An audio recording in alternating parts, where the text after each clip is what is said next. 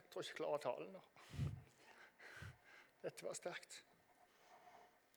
Dette var sterkt. Det tok meg. Virkelig. Uh,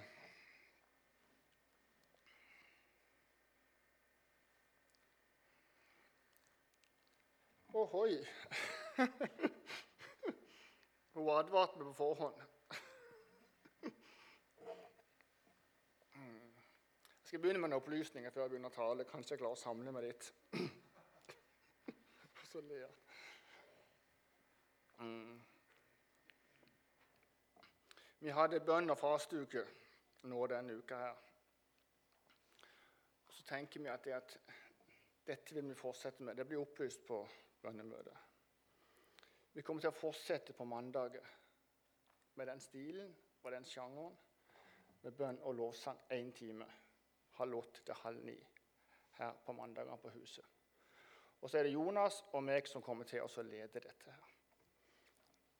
Uh, og så tenker vi å være litt sånn én time. Altså hvis folk må ha barnevakt, så vet de at det er den timen de er her. Og litt pga. at dette var bønn- og fasteuke, men det er jo litt fordi at vi tenker menighetsskole. Vi skal starte menighetsskole fra høsten av. Så har vi hatt Kjell Birkeland her fra Misjonsforbundet, som har informert dere om dette. Han har vært et par ganger. Og så framhever han én ting.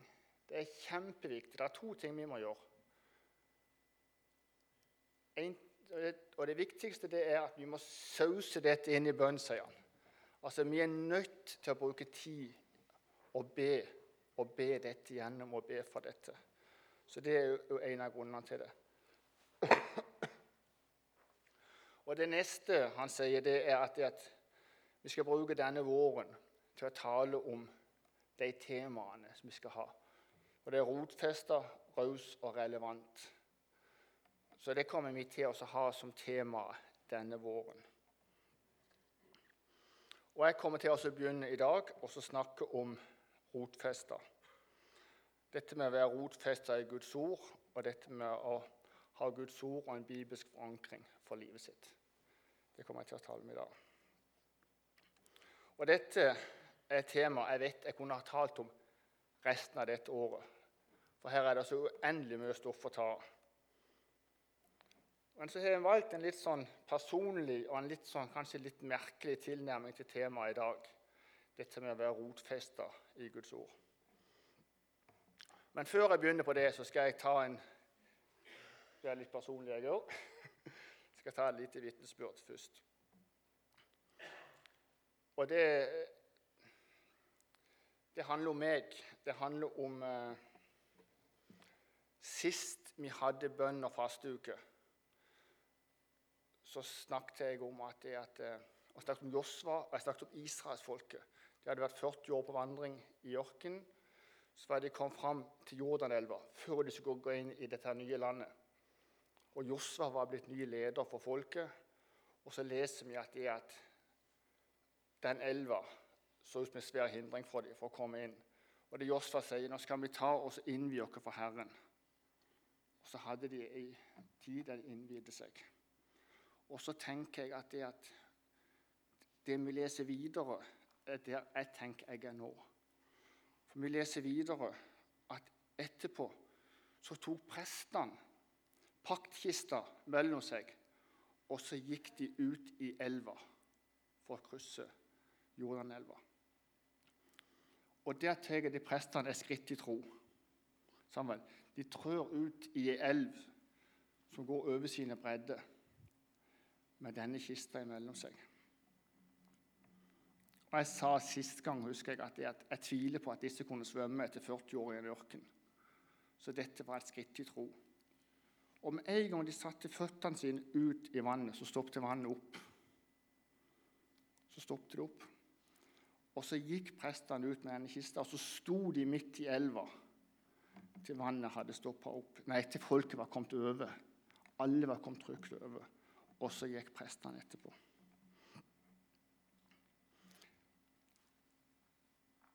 Og Jeg har tenkt mye på dette. her. Så har jeg slitt litt i det senere tid, hele livet, men spesielt senere tid, med å sove. Jeg sliter med søvn, med å klare å sove.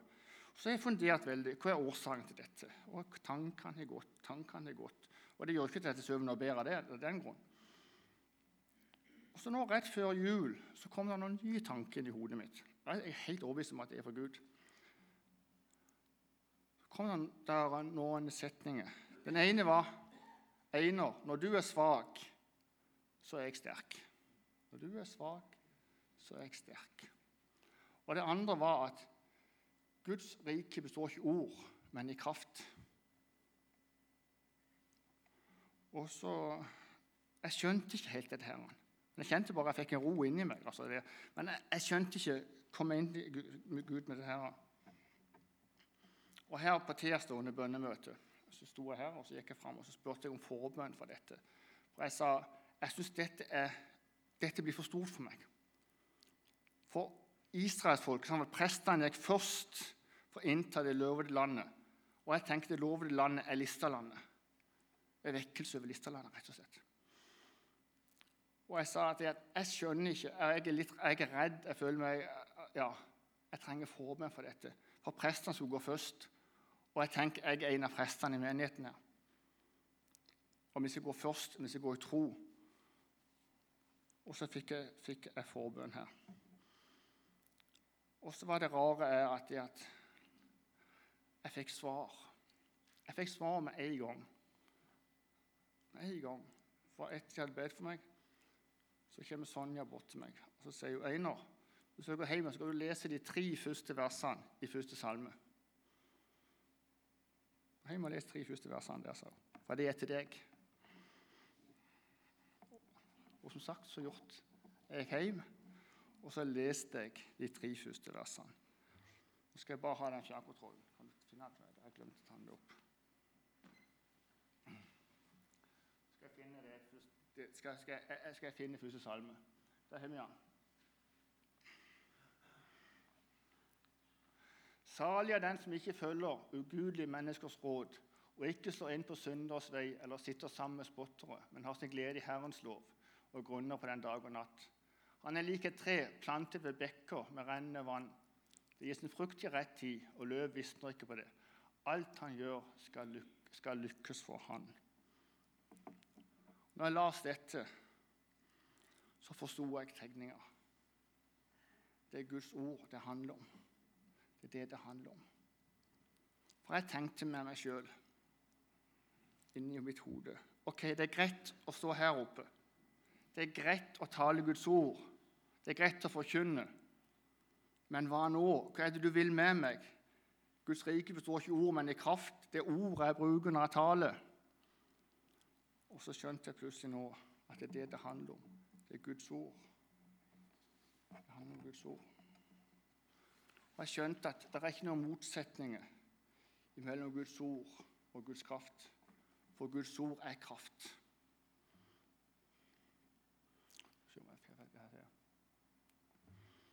For jeg skammer meg ikke over evangeliet. Det er Guds kraft til frelse for hver av det som tror. Jøde først, så greker. Ordet som dere ser, dynamisk. Er gresk ord. Det betyr styrke, energi, kraft. Styrke, energi, kraft, men det kan også bety makt og evne.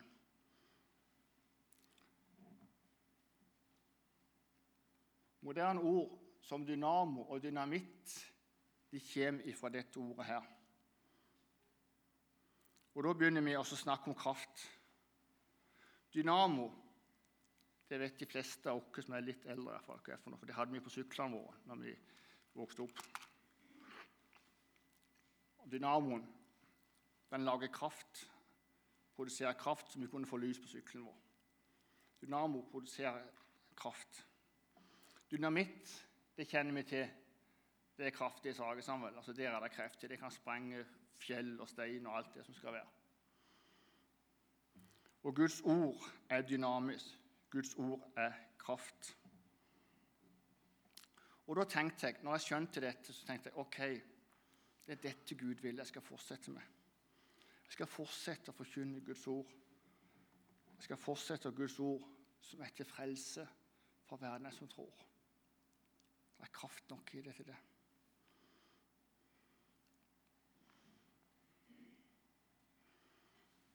Og jeg tenker at vi som menighet vi skal gå på dette ordet. Det var det som var paktkista, tenker jeg. Det var Guds ord. Altså Loven lå jo i sammen i den paktkista. Vi skal gå i tro, og vi skal gå på Guds ord. Johannes 1,9 så leser vi I begynnelsen var Ordet. Ordet var hos Gud, og Ordet var Gud. Han var i begynnelsen hos Gud. Alt er blitt til ved ham. Uten han er ikke noe blitt til. Det som ble til i han, var liv, og livet var menneskenes lys. Altså Guds ord er kraft. Altså Bibels ord er kraft. Men Guds ord er så mye mer. Jesus er ordet fra himmelen, som vi leste her. Han er ordet som kommer fra Gud til oss mennesker. Og I dette ordet så var det kraft. Kraft nok til å skape hele verden. Og det er denne kraften for Jesus, for denne kraften fra ordet, at selv livet går ut ifra. Og det er denne kraften at selv livet opprettholdes. I vers 5 så leser vi videre. Lyset skinner i mørket, og mørket har ikke overvunnet det. Lyset skinner i mørket, og mørket har ikke overvunnet det. Altså, sånn er det bare. Har du et rom, et hus, med to rom i Ett er mørkt, og ett er, er det lys i. Hvis du åpner døra eller river ned veggen imellom dem, hva skjer da? Jo, lyset fra det, det rommet det er lys i, siver inn i det rommet som er mørkt, og det er ikke mørkt lenger. Sånn er det, er bare sånn det. Det skjer aller motsatt. At hvis du river ned en skillevegg eller døra der, at mørket går inn, og så kveler lyset. Alltid motsatt. Og jeg tenker at dynamo eller kraft det kan jo vise seg som lys. Og det ser vi i naturen. Sammen. Du ser et lyn. Det er kraft. Sammen. Det kommer som lys. Du ser sola på himmelen der. Men det kan jo vise seg som lyset i lyspæra. Som jeg sa, i dette huset her så var lyset sterkere enn mørket, og det vil alltid være. Lyset vil alltid være sterkere enn mørket. Og Jesus, han er verdens lys. Jeg er verdens lys. Den som følger meg, skal ikke vandre i mørket, men ha livets lys. Stender Johannes 8, 12. Så leser vi videre på disse versene her. Så leser vi et menneske sto fram, utsendt av Gud. Hans navn Nei, Johannes var hans navn. Han kom for å vitne. Han skulle vitne om lyset, så alle skulle komme til tro ved ham. Sjøl var han ikke lyset, men han skulle vitne om lyset. Det sanne lys som lyser for menneskene, kom nå til verden. Det er dette det handler om, folkens. Det er dette det handler om. Det handler om å være en Johannes som skal vitne om lyset som skal vitne om Jesus. Det handler om å være en Johannes som skal vitne om kraften i Jesu navn. For det fins ikke noe annet navn som mennesker kan bli frelst med. Det er kun Jesu navn. Det er kun kraften i Jesu navn at folk kan bli frelst. Og Da tenker jeg at da kan vi si som Paulus sier. For Kristus har ikke sendt meg ut for å døpe, men for å forkynne evangeliet og ikke med talekunst og visdom, så Kristi kors ikke skal miste sin kraft. For Ordet om korset er dårskap for den som går fortapt, men for oss som blir frelst, er det en Guds kraft. For oss som blir frelst, så er det Guds kraft. Og Jo mer jeg funderte på disse ordene jeg fikk av Sonja, jo mer jeg las gjennom alt det her, så kjente jeg meg bare mer og mer styrka. Fikk mer og mer pågangsmot. Etter hvert så begynte jeg begynte å jobbe med denne talen, begynte, så kjente jeg bare Oi, jeg begynte å få en forventning. En indre lyst og forventning, forventning til hva Gud vil gjøre dette året. Hvor Gud vil lede meg og menigheten og oss til. Jeg syns det begynte å bli kjempespennende. til. Kjempespennende hva han vil gjøre dette året. Men, men tilbake igjen til utgangspunktet til Salme 1. Salig den som ikke følger ugudelig menneskers råd og ikke slår inn på synders vei eller sitter sammen med spottere, men har sin glede i Herrens lov og grunner på den dag og natt, leste vi. Salig den som ikke følger gudelige menneskers råd og slår inn på synders vei eller sitter sammen med spottere, men har sin glede i Herrens lov og grunner på den dag og natt. Og der igjen. Der kjente jeg meg igjen, Sonja. Der kjente jeg meg igjen. Der er jeg. Jeg har glede av å studere, jeg har glede av å lese, jeg har glede av det som står i denne boka. Og Det må jeg bare ærlig si. at det, det, det,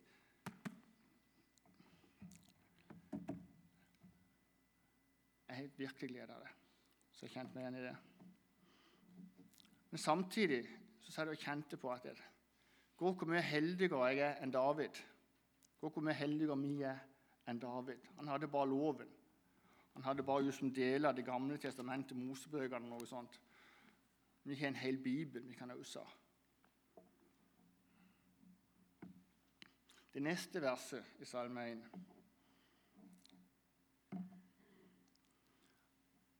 Det er et kraftig løfte, et løfte fra Gud.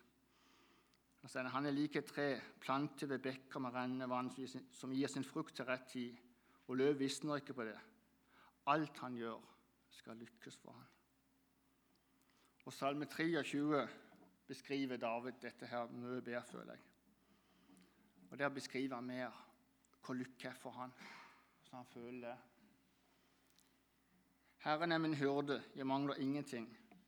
Han lar meg ligge i grønne enger, han fører meg til vann der jeg finner hvile, og gir meg ny kraft. Han leder meg på de rette stier for sitt, for sitt navns skyld. Selv om jeg går i dødsskyggens dal, frykter jeg ikke for noe ondt for du er med meg. Din kjepp og din stav trøster meg. Du dekker bord for meg like for øynene på mine fiender. Du salver mitt hode med olje, mitt beger flyter over. Bare godhet og miskunnhet skal følge meg alle mine dager, og jeg får bo i Herrens hus gjennom lange tider. Dette er et sterkt bilde, og her er det kjempemasse bildespråk. Og Jeg tenkte jeg skulle ta og forklare litt av bildene. Jeg tar de fire versene først, de fire første versene der. For det passer litt inn i det jeg skal si etterpå. Det første jeg tenkte jeg skulle si litt om, det var hurdebildet. Og Dette var et yrke som vi vet at David kjente godt til. For som ung så var jo han hyrde, eller gjeter. sammen. Og Han visste at en god hyrde eller en god gjeter han sørget for flokken sin, og han sørget for at de hadde alt det de trengte. Og han visste at de gode hyrdene de kunne finne godt beite, og de kunne finne beite til dyrene sine. Og Han som gjeter sjøl visste viktigheten av å finne vann til dyrene sine. Det var en kunnskap de måtte ha. For Det var jo ørkenmur, det var tørt landskap. Vann var livsviktig.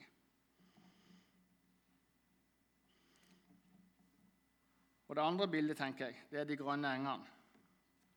Og jeg tenker Det kan være et bilde på rikdom og på overflod. Men mest av alt så tenker jeg at det er et bilde på frelsesgodene.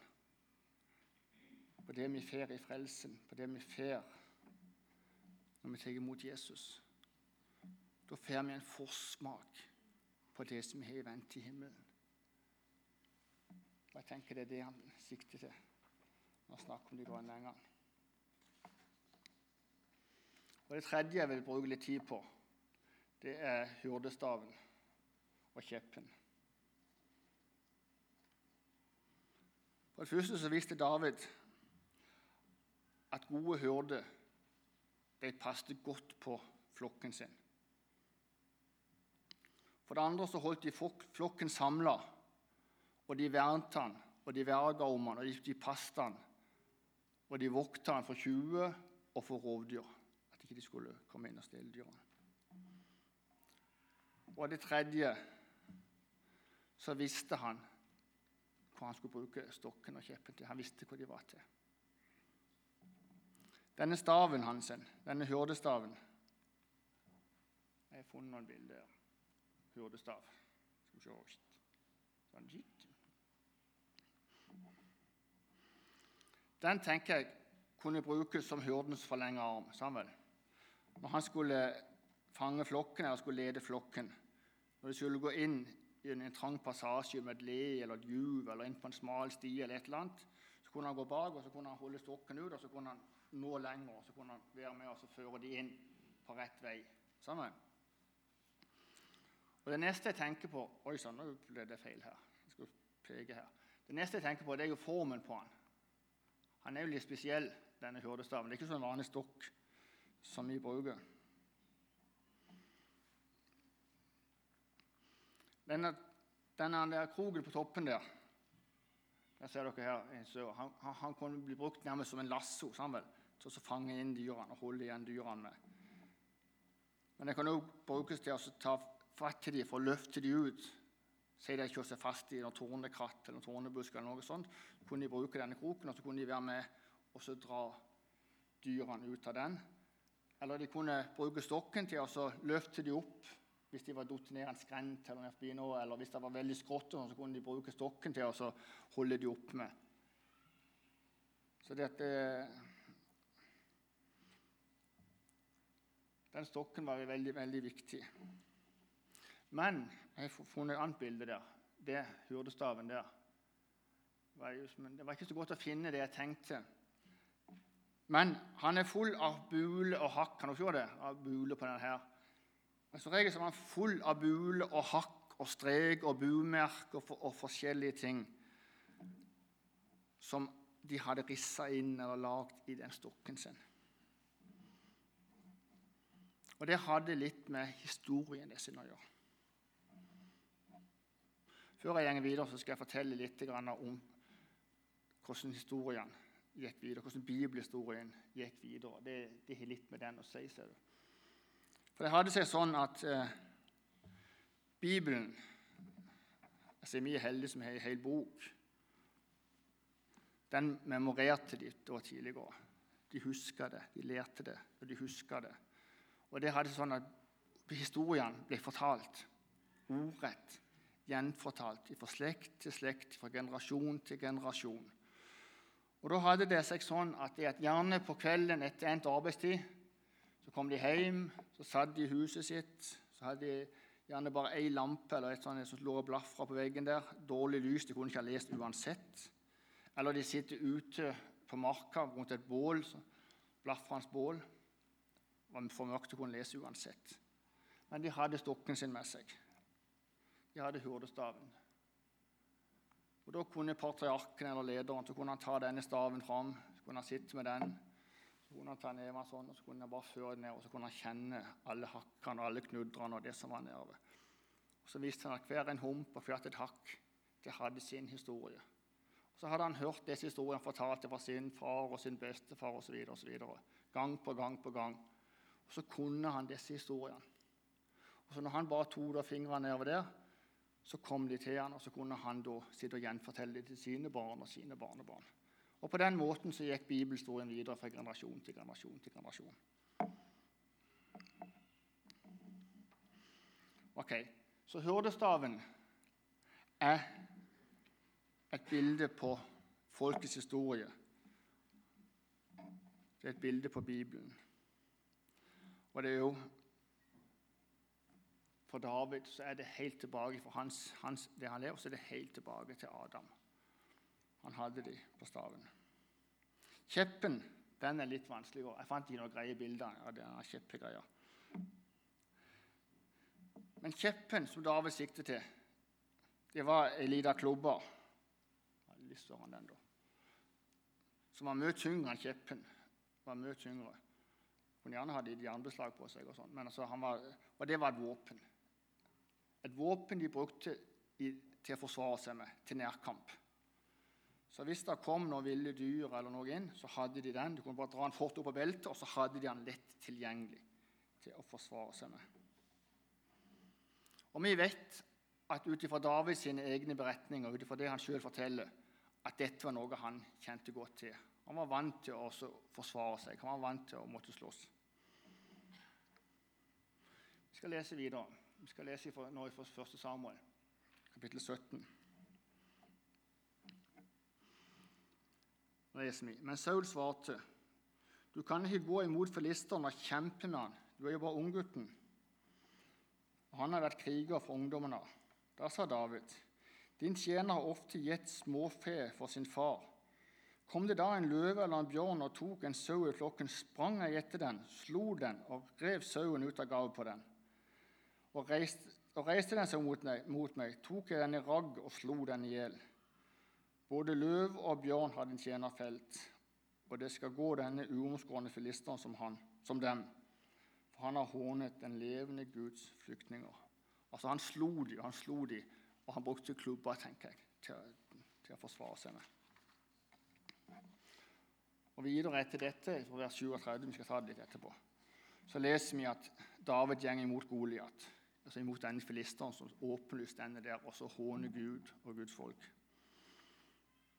Og Vi leser jo at David møter Goliat, denne svære kjempen, og han feller han. Og denne dagen så redder han hele Israel for å bli tatt av fienden.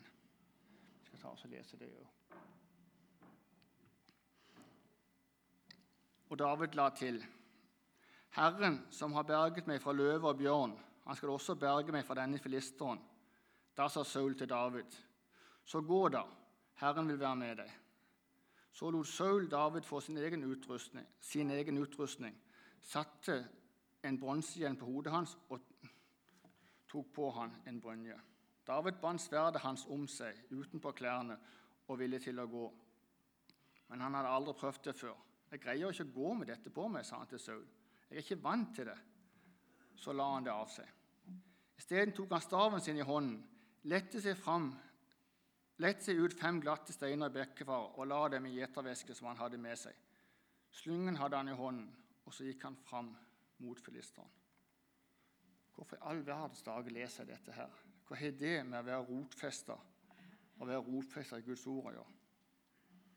Jo, for når jeg leser denne historien her, kapittel 17, så er det en liten detalj, en viktig detalj, som slår meg, og det er her i vers 40. Tok han staven sin i hånden. Tok han staven sin i hånden. Istedenfor å ta Saul sine våpen og utrustning, så tok han hurdestaven med seg. Hvorfor i all verden tok han med seg staven i krigen? Hvorfor tok han den med seg? Han var en ung gutt. Han trengte ikke noen stokk, han trengte ikke noen stav å støtte seg til. Hva var grunnen til dette? Jo, som jeg sier, den hadde en symbolsk betydning. Men også her så har den enda mer betydning.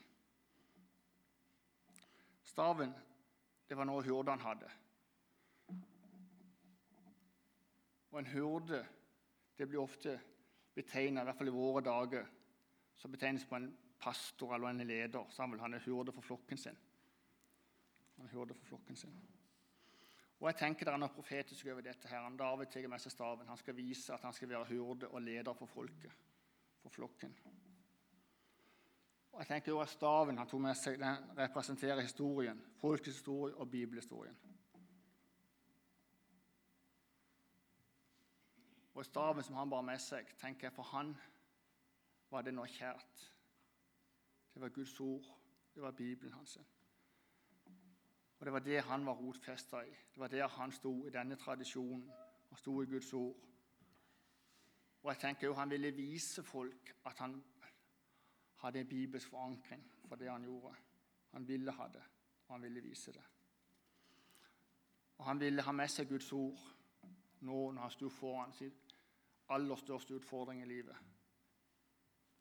så ville han stå på Guds ord. Nå er jeg snart ferdig.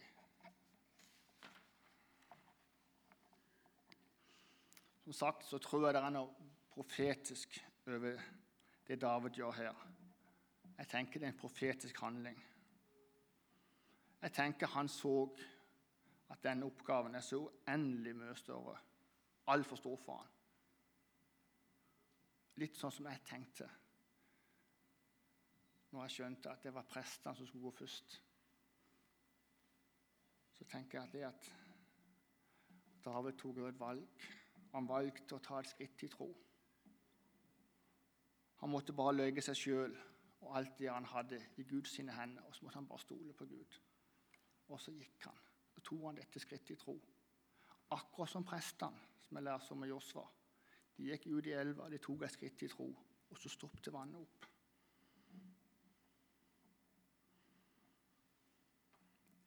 Når jeg sier at David her også gjør det, han tar et skritt i tro. Og han gjør det med at han tar staven sin med seg. Han valgte å stole på Guds ord istedenfor på Sauls utrustning. Sauls skjold og Sauls sverd. Som kan stå for, for verdens visdom. Men han valgte Guds ord. Så her tenker jeg, her viser David godt eksempel tenker jeg, på det å stå rotfesta og sterk i Guds ord. Og Vi kan si helt i sånn overført betydning at folket, israelsfolket denne dagen ble frelst eller ble redda med kraften av Guds ord. For dette var ikke noe David kunne ha klart sjøl. Det var i kraften av Guds ord.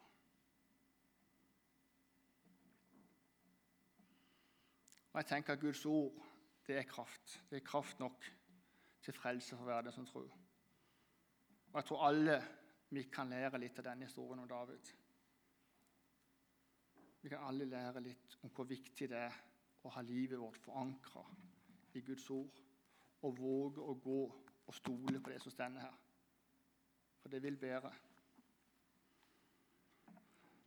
Og Helt til avslutning nå så vil jeg ta og gå litt tilbake igjen til innledninga. Jeg er øyeblikk ferdig. Nå tenker jeg Nå handler det ikke om Josva lenger. Nå handler det om å gå i tro. Nå handler det om å gå i tro på Guds ord. Nå handler det om å stole på kraften i Guds ord.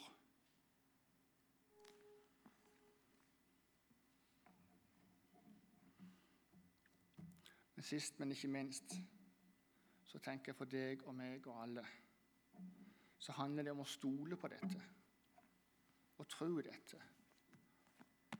Det er kraft i Guds ord. For Det var denne kraften tenker jeg, denne kraften i Guds ord som holdt vannet tilbake, så israelsfolket kunne gå over Jordanelva og inn i det lovede landet. Innta det lovede landet og alle løftene som var der. Det hadde kraft nok til å berge Israel ut av filisterens hånd med hjelp av David. Det hadde kraft nok til å skape alt, hele verden, alt vi ser rundt dere. Det hadde kraft nok til å reise Jesus opp av grava, tenker jeg. Det er det samme ordet som har kraft nok til å frelse dette landet. Det er kun gjennom dette ordet folk kan bli frelst. David valgte røttene sine, og han valgte å ha en bibelsk forankring. Han valgte å stole på Guds ord. Han valgte å gå på Guds ord. Han valgte å stole på kraften i Guds ord. Og jeg tenker at det at vi har mye å lære alle i hop av David. Så jeg er utfordring til slutt. Skal vi gjøre som David? Skal vi gå på ordet? skal vi våge å ta et skritt ut i elva i tro på at kraften i dette ordet vil stoppe vannet. Vil vi våge å ta et skritt ut i elva i tro på at kraften i dette ordet her er nok til å frelse disse landet? Jeg vil gjøre det. Vil du?